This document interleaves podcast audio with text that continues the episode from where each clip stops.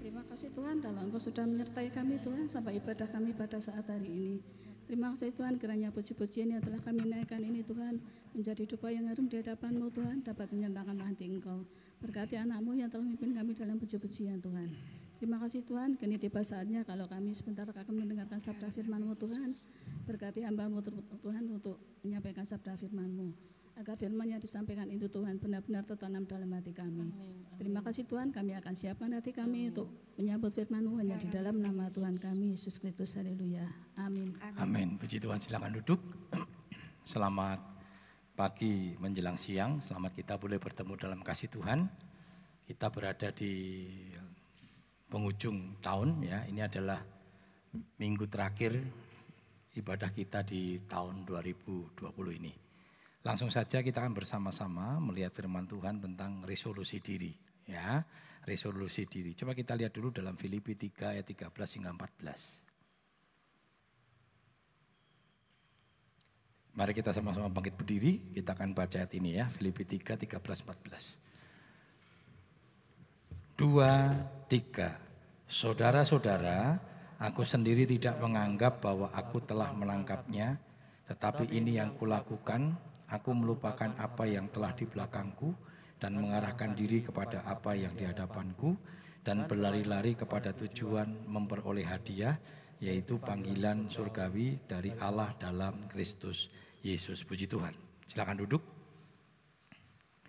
Nah, Saudara, firman Tuhan mengingatkan kepada kita untuk kita ini tidak lagi melihat ke belakang, ya, hidup kita bukan untuk masa lalu, hidup kita untuk masa yang terus melaju ya. Masa lalu menjadi sebuah pembelajaran bagi kita ya. Jadi jangan sampai kita melihat masa lalu terus ya. Banyak orang hari-hari ini melihat masa lalu ya. Wah enak ya kalau zaman dulu belum pandemi gitu saudara ya.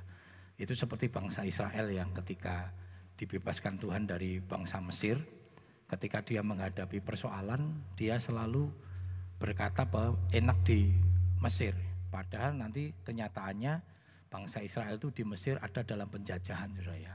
Ada dalam penjajahan, ada dalam penindasan, dan bangsa Israel uh, selama 430 tahun itu berseru-seru pada Tuhan supaya dibebaskan dari penindasan bangsa Mesir. Ya, jadi kita harus maju ke depan dan yang, yang menjadi kerinduan kita, hari depan kita harus lebih baik daripada hari kemarin. Nah, kita lihat dulu apa itu resolusi, ya. Apa itu resolusi? Dalam Kamus Besar Bahasa Indonesia, resolusi itu memiliki pengertian putusan atau kebulatan pendapat berupa permintaan atau tuntutan yang ditetapkan oleh rapat atau musyawarah hidang. Pernyataan tertulis biasanya berisi tuntutan tentang sesuatu hal.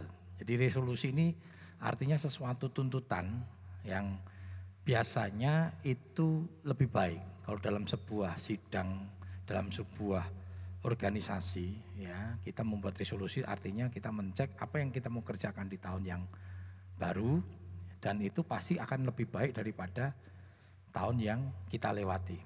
Nah, kalau resolusi diri berarti kan kita harus memiliki tuntutan kepada diri kita sendiri untuk kita ini melangkah lebih baik di hari-hari depan ya.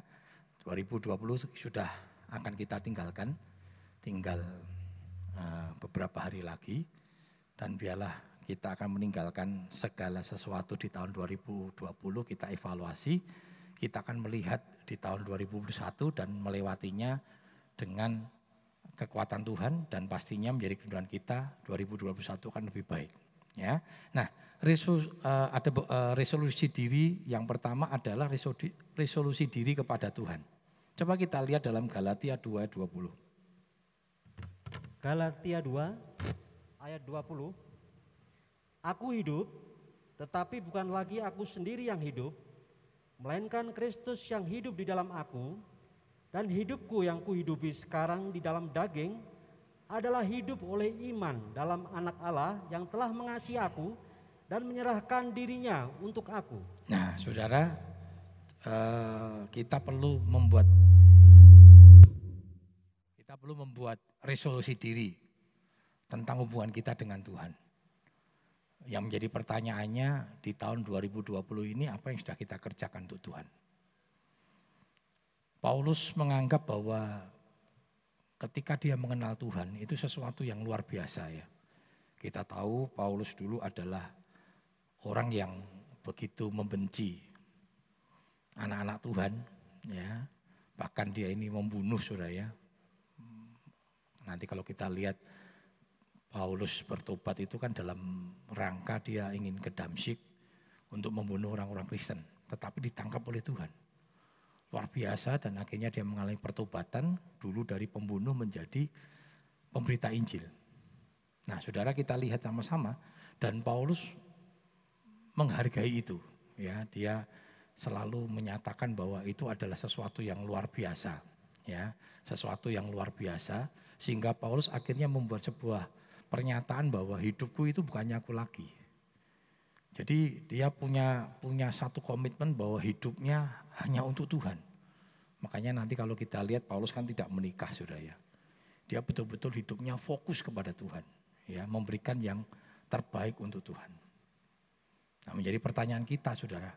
Kalau kita boleh ada sampai hari ini sebagai anak-anak Tuhan, kita boleh mengenal Tuhan. Waduh itu sesuatu yang harus kita syukuri. Saya tidak dilahirkan dari keluarga Kristen. Ya, dari mama saya, kakek saya itu Konghucu saudara ya dari ayah saya agamanya agama Pancasila ya. Jadi tidak mengenal Tuhan juga. Ayah saya ayah saya kejawen ya. Tetapi saya bersyukur kalau sampai hari ini keluarga saya itu mengenal Tuhan. Baik keluarga besar maupun keluarga saya sudah ya, itu mengenal Tuhan. Dan itu semua saya kira percaya karena anugerah Tuhan. Maka pada waktu beberapa waktu yang lalu Nah, saudara-saudara saya ngumpul di tempat ini sudah ya. Saya mengundang mereka ke sini lalu saya ngomong sama mereka. Kita bersyukur kalau sekarang ini kita boleh menjadi anak-anak Tuhan. Bahkan Tuhan berkati kita dalam rumah tangga, dalam pekerjaan. Kalau kita lihat masa lalu dulu ya, kita ini dilahirkan bukan dari anak Tuhan ya. Saya tidak pernah mengalami diserahkan kepada Tuhan, ya makanya saya senang kalau ada anak yang diserahkan kepada Tuhan karena iman iman orang tua Orang tua saya tidak mengenal Tuhan, saudara. Tapi akhirnya kita menjadi keluarga yang mengenal Tuhan. Nah saya kira percaya itu anugerah. Yang harus kita syukuri, saya katakan. Kita bersyukur karena Tuhan itu baik. Dan kita harus tetap punya komitmen untuk selalu fokus kepada Tuhan. Jangan pernah kita tinggalkan Tuhan. Nah saudara, Kristus tinggal di dalam kita berarti apa pun yang kita lakukan dasarnya kasih kepada Tuhan. Matius 22 ayat 37 hingga 38. Matius 22 ayat 37 38. Jawab Yesus kepadanya, Kasihlah Tuhan Allahmu dengan segenap hatimu dan dengan segenap jiwamu dan dengan segenap akal budimu. Itulah hukum yang terutama dan yang pertama. Ya, ini adalah kerinduan Tuhan. Dan ini nanti kalau kita membahas melihat dalam dalam kehidupan orang Israel, ini menjadi syahadatnya orang Israel ya dalam ulangan 6 ayat yang keempat. Orang Israel betapa serius tentang, tentang hal ini, yaitu mengajarkan anaknya untuk takut akan Tuhan. Bahkan dikatakan ulang berulang, ulang berulang, ulang berulang. Pada waktu kamu duduk, pada waktu berjalan, pada waktu tidur. Untuk kita mengajarkan, mengingatkan ya bahwa Eh, kita harus mengasihi Tuhan Allah kita dengan segenap hati, dengan segenap jiwa, dan dengan segenap kekuatan. Seberapa besar di tahun 2020 ini kita mengasihi Tuhan? Apakah kita sudah serius sama Tuhan? Ya, berapa banyak sering kali kita menuntut Tuhan serius sama kita ketika kita diperhadapkan persoalan. Tetapi menjadi persoalannya, sudahkah kita serius sama Tuhan? Gak usah nuntut Tuhan serius sama kita. Ketika engkau serius sama Tuhan, Tuhan pasti serius sama kita. Ya, Tuhan selalu mengasihi kita, bahkan Tuhan selalu memikirkan yang terbaik untuk kita. Karena itu kita perlu mencoba meref, uh, apa, mengcek dan dicek kembali kehidupan kita, khususnya dalam hubungan kita dengan Tuhan. Mengintrospeksi diri. Sudahkah kita sungguh-sungguh kepada Tuhan? Sudahkah sungguh-sungguh kita mengasihi Tuhan? Nah, kita buat resolusi pada pagi yang indah ini. Aku mau mengasihi Tuhan dengan segenap hatiku, aku mau mengasihi Tuhan dengan segenap jiwaku. Yang kedua, resolusi diri kepada keluarga. Ya, resolusi diri kepada keluarga. Di tahun 2020, apa yang kita sudah berikan hidup kita untuk keluarga kita? Banyak orang tidak terlalu serius untuk tentang keluarga. Ya, ada banyak keluarga-keluarga yang akhirnya berantakan. Anak-anak yang kehilangan figur orang tuanya karena tidak ada hubungan yang baik antara anak dengan keluarganya. Nah kita lihat sama-sama, ini kitab uh, kisah Yosua. Yosua 24 ayat 14 hingga 15 ya. Yosua ini memiliki komitmen yang kuat untuk keluarga. Yosua 24 ayat 14 15 Oleh sebab itu takutlah akan Tuhan dan beribadahlah kepadanya dengan tulus ikhlas dan setia. Jauhkanlah Allah yang kepadanya nenek moyangmu telah beribadah di seberang sungai Efrat dan di Mesir dan beribadahlah kepada Tuhan. Tetapi jika kamu anggap tidak baik untuk beribadah kepada Tuhan, pilihlah pada hari ini kepada siapa kamu akan beribadah.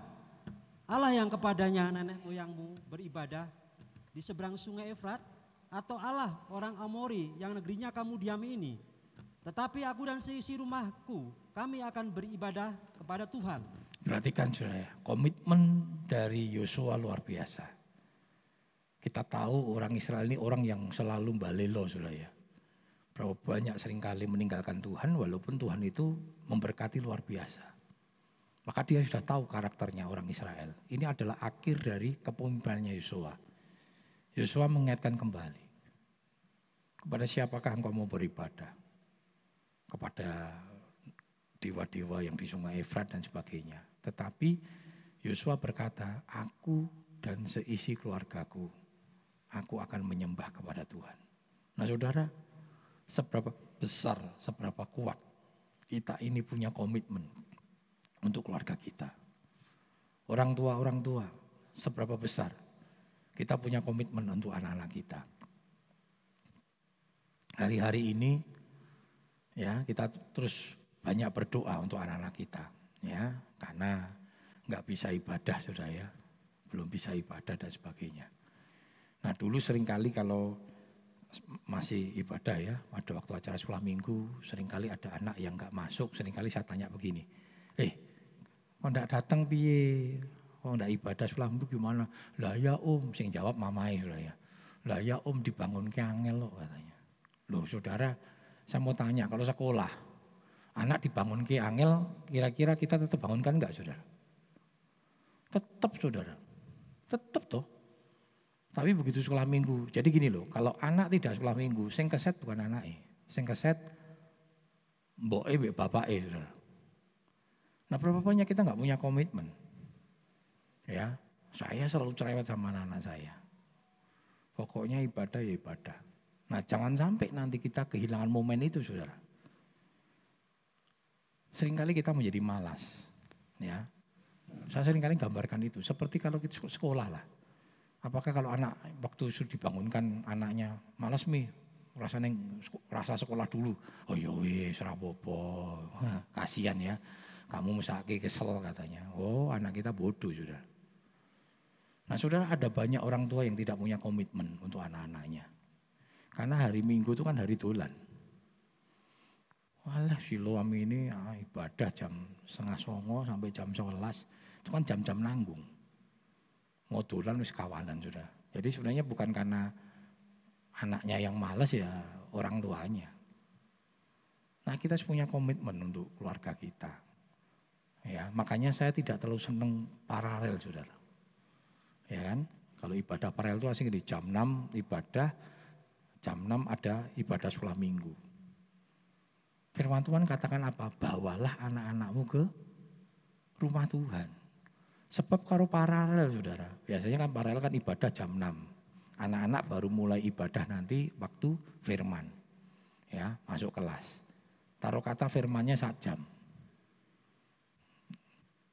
Anak-anak sekolah minggu itu sebelum ibadah selesai sudah harus selesai. Berapa waktu ya mau diterima untuk anak-anak? Padahal anak-anak itu butuh nggak gampang saudara. Cerita sama anak itu nggak mudah.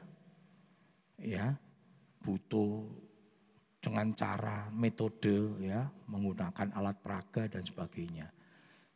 Anak lebih mengerti. Jadi kalau di gereja kita kita bersyukur Saudara.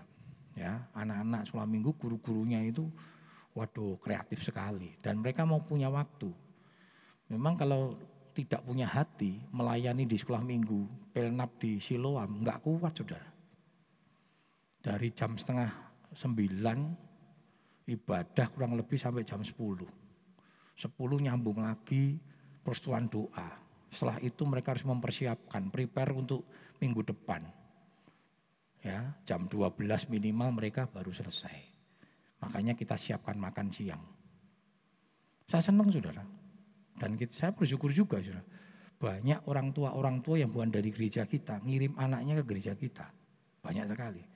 Karena mereka tahu ya bahwa gereja kita ini serius menangani anak-anak sekolah minggu. Ya, sangat serius menangani anak-anak sekolah minggu. Dan jangan lupa, itu momen yang paling penting. Ya, masa anak-anak itu momen yang paling penting. Karena itu kita harus punya komitmen untuk keluarga kita, untuk anak-anak kita. Ya, jangan sampai kita kehilangan masa-masa itu, Saudara. Ini yang paling penting.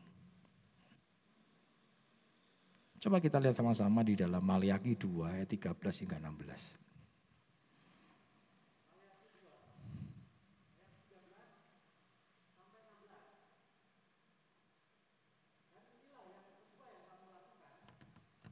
Kamu menutupi mezbah Tuhan dengan air mata, dengan tangisan dan rintihan.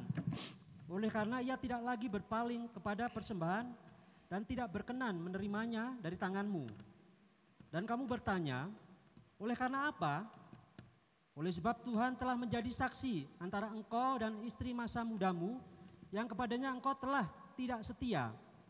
Padahal dialah teman sekutumu dan istri seperjanjianmu Bukankah Allah yang esa menjadikan mereka daging dan roh? Dan apakah yang dikendaki kesatuan itu? Keturunan ilahi. Jadi jagalah dirimu dan janganlah orang tidak setia terhadap istri dari masa mudanya. Sebab aku membenci perceraian, firman Tuhan Allah Israel. Juga orang yang menutupi pakaiannya dengan kekerasan, firman Tuhan semesta alam. Maka jagalah dirimu dan janganlah berkhianat. Perhatikan saudara, Firman Tuhan itu begitu memperhatikan tentang yang namanya pernikahan.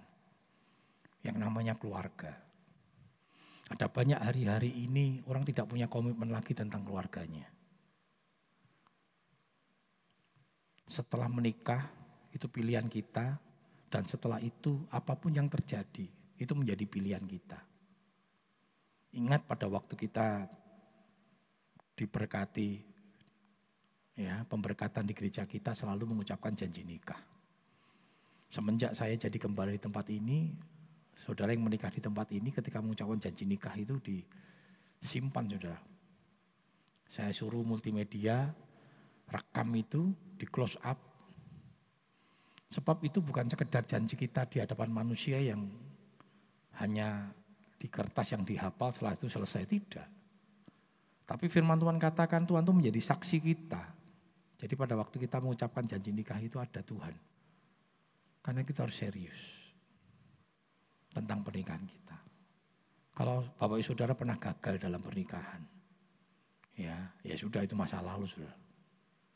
Mari kita memperbaiki ke depan dengan komitmen yang kuat lagi tentang keluarga kita. Dan serius dengan keluarga kita. Punya komitmen yang kuat terhadap keluarga kita. Ada banyak hari-hari ini orang tidak punya komitmen. Ya, makanya jangan heran saudara. Hanya anak-anak yang nggak bisa dekat dengan orang tuanya. Anak-anak malah bisa curhat sama orang lain. Kenapa? Karena kita nggak punya waktu untuk anak-anak kita. Saya pernah saksikan dulu ada seorang hamba Tuhan senior. Cukup terkenal di GBDI saudara. Tapi cukup mengagetkan, memprihatinkan. Anak-anaknya jadi preman saudara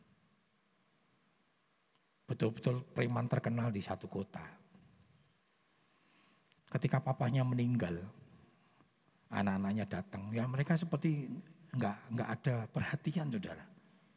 Waktu itu saya jadi majelis wilayah. Waktu datang, Ya, lalu mereka bilang begini, tolong ya masjid wilayah urus. Saya bilang begini, kita masih wilayah nggak bertugas untuk ini, kita sifatnya bantu. Yang ngurus juga anak-anak, eh bapak mati kok anak-anak orang ngurus. Sampai saya bilang begini, eh om, nanti anak-anak istrimu kok rata kok. Oh buka toko, wah luar biasa. Bapak mati, engkongnya mati, tokonya terbuka nanti sore. Karena tutupnya jam 5. Loh, sampai saya ngomong gini, saya ini bukan keluarga pendeta.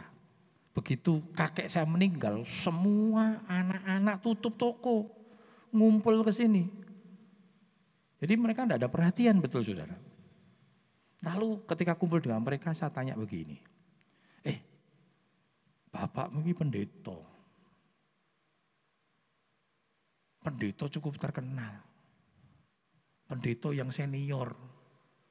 Kok kalian malah jadi preman kayak bi? Saya berpikir jawabannya salah pergaulan saudara. Pikiran saya, oh salah pergaulan ya koncone tapi jawabannya apa sudah cukup mengagetkan. Kami jadi preman untuk nyakiti papai. Loh, kok bisa begitu saya bilang.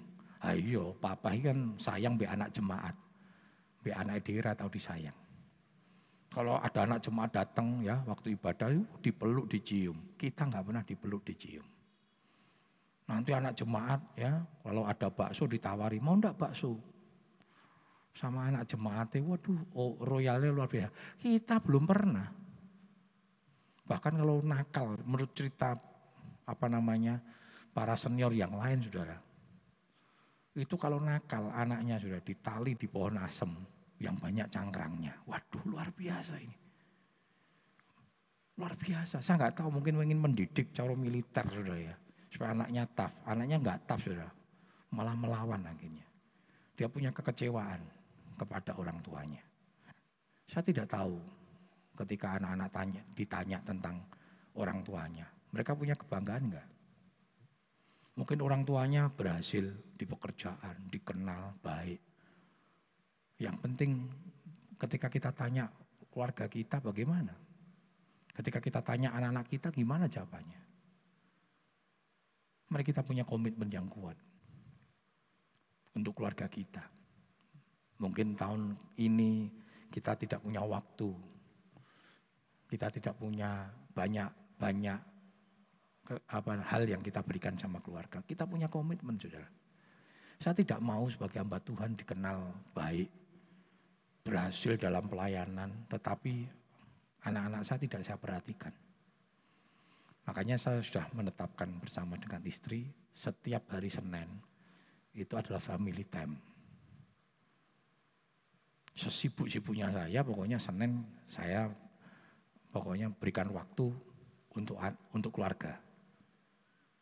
Dan saya sudah bilang sama anak-anak ya, karena anak-anak ini kan sudah mulai remaja, dewasa ya. Waduh kegiatannya banyak saudara. Nanti kalau diajak lungo, sudah janjian baik temen. Wah. Saya bilang enggak, saya, papi nggak mau tahu, Senin tidak boleh ada janjian. Untuk acara kita keluarga. Ya, biasa saya keluar pergi makan ya Nggak, kita tidak selalu di tempat-tempat mewah ya. Kadang neng angkringan kan gitu sudah ya. Tetapi kita bisa ngobrol sama anak-anak. Dan saya bersyukur anak-anak bisa curhat kepada orang tuanya, apalagi kepada mamahnya ya. Jadi anak-anak itu, anak katanya kalau cowok itu lebih dekat ke mamai, nek cewek lebih dekat ke papai kan gitu sudah ya. Jadi tapi saya bersyukur dia bisa curhat, bisa cerita bahkan sopo sing disenengi gitu cerita sudah. Dia bisa cerita dan saya bersyukur sudah. Ya baru seneng mbak siapa anu saya cerita itu. Jarang loh sudah anak cerita sama orang tuanya betul ya? Kita bisa tanamkan itu nilai-nilai itu. Mari kita punya komitmen yang kuat ya untuk kita memberikan waktu kita untuk keluarga kita. Keluarga itu yang terpenting sudah keluarga itu yang terpenting dalam hidup kita. Makanya firman Tuhan katakan mereka bukan lagi dua tetapi satu. Oh ini luar biasa sudah ya. Lalu yang ketiga, resolusi diri kepada tanggung jawab yang Tuhan percayakan. Kolose 3 23. Kolose 3 ayat 23. Apa pun juga yang kamu perbuat, perbuatlah dengan segenap hatimu seperti untuk Tuhan dan bukan untuk manusia. Nah, Apa pun yang Tuhan percayakan dalam hidup kita sudah. kerjakan itu untuk Tuhan. Baik itu dalam pekerjaan kita, ya, dalam pelayanan kita. Kalau kita tidak memandang Tuhan, kecewa saudara. Saya selalu katakan ya, kalau sudah melayani di tempat ini, hanya mandang gembalanya kecewa ya. Walaupun saya sebagai gembala mencoba memberikan yang terbaik. Tapi selalu belum tentu apa yang saya berikan yang terbaik itu kan dianggap baik. Tapi kalau memandang pada Tuhan, itu tidak mengecewakan. Saudara. Saya kira percaya kalau Bapak Saudara selalu mandang manusia, itu kecewa. Tapi pandanglah Tuhan. Ya, banyak sekali hamba-hamba Tuhan yang sering kali minta sama saya ya. Apalagi Natal gini, waduh banyak sekali. Ya, bukan hanya di kota uh, di Jawa Tengah sudah, di luar kota, luar pulau, ya. Om, ini Om kami Natal Om, tolong kirim berkat. Ya, sering kali mereka banyak sekali uh, kalau ada apa-apa minta bantuan ya. Om baru bangun, kirim berkat. Om saya mau beli keramik, kayak berkat. Ya, saya sering kali sisihkan berkat saya untuk mereka. Waktu COVID kemarin sudah ya, kan saya konsentrasi memang memberikan perhatian kepada hamba-hamba Tuhan di Jawa Tengah khususnya. Ya, ada hamba Tuhan yang suka minta dari luar pulau, dia bilang, Om tolong Om, kami terkena dampak COVID, kirim berkat. Saya bilang begini, waduh sorry ya, Om baru konsentrasi ke Jawa Tengah, wong Jawa Tengah yang perlu masih perlu banyak yang dibantu, mosok saya harus kirim ke luar pulau. Ya, nanti next time, lain kali. Sekarang ini saya tak fokus dulu, bantu hamba-hamba Tuhan yang ada di Jawa Tengah dulu. Itu bisa menjadi kita jahat loh saudara. Ya om pelit ya toh. Dinggo covid itu ora dikei. Padahal beberapa waktu kemarin kita sudah mengirimkan berkat-berkatnya. Ngerjalo opo ya sudah saya sisihkan. Nah saudara kalau kita tidak mandang manusia kecewa loh saudara. Betul? Kurang ajari sekali saja kita tidak kirim berkat kok malah donaki pelit saudara. Tapi ya sudah saya nggak mau pandang itu. Saya memberi ya karena saya mandang manusia. Kadang kan gitu ya, ada pepatah apa, hujan setahun dihapus panas sehari. Kalau kita mandang manusia sudah kecewa, dalam pelayanan juga sama. Ya, kita ini kan sering kali dianggap baik kalau selalu mengulurkan berkat kan gitu. Begitu dijalui berkat ora ora dikei, waduh pokoknya selek gitu. Pokoknya jahat jadinya. Nah kalau kita mandang manusia kecewa, berapa banyak kita ngalami itu ya. Karena itu pandang Tuhan saja. Nggak usah pandang manusia. Kalau pandang manusia kecewa. Apa pun yang kita lakukan, mari kita lakukan untuk kemuliaan bagi nama Tuhan. Coba kita dalam Roma 11.36. Ayat 36. Sebab segala sesuatu adalah dari dia, dan oleh dia, dan kepada dia. Bagi dialah kemuliaan sampai selama-lamanya. Berarti kan saudara, kemuliaan itu hanya milik Tuhan. Kita tidak boleh mencuri. Makanya bersyukur saudara. Kalau saudara ketika melayani, melakukan segala sesuatu, nggak dipuji. Bersyukur, kenapa? Pujian itu bisa menjatuhkan kita loh, betul nggak saudara? Engkau melayani, terus orang kata, wah hebat lo suaramu apik ya. Wah, tuh, saudara kadang lupa lupa memuliakan Tuhan, betul? Walaupun kadang-kadang kita orang Jawa, orang Indonesia kan anda pasor. Halo, tidak gitulah. Tapi hati kecil kita kan saudara pulang tidak mengucap syukur sama Tuhan ngoco saudara ya. Oh iya iya ternyata suaraku apik, penampilanku baik. Coba kalau kita melayani, oh tadi penampilanmu nggak apik, fales gitu. Walaupun saudara mungkin nggak fales.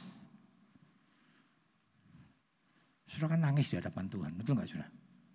Nggak usah marah, ya. Waktu ditegur gitu, ya wis aku aku ragil melayani meneh kata lu. Jangan saudara. Bersyukur saudara. Kenapa? Itu membuat kita rendah hati.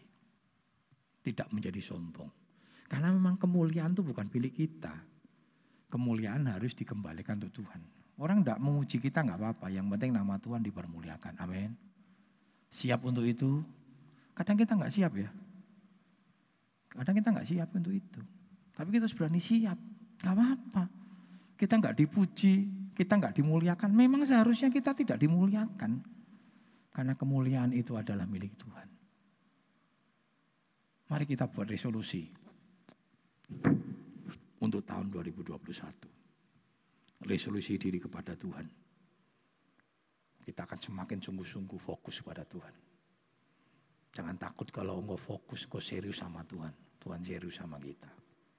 Yang kedua, mari kita buat resolusi diri untuk keluarga kita.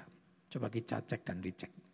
Kira-kira tahun 2020 ini, sudahkah kita berikan sesuatu yang terbaik untuk keluarga kita? Untuk istri kita, untuk suami kita, untuk anak-anak kita.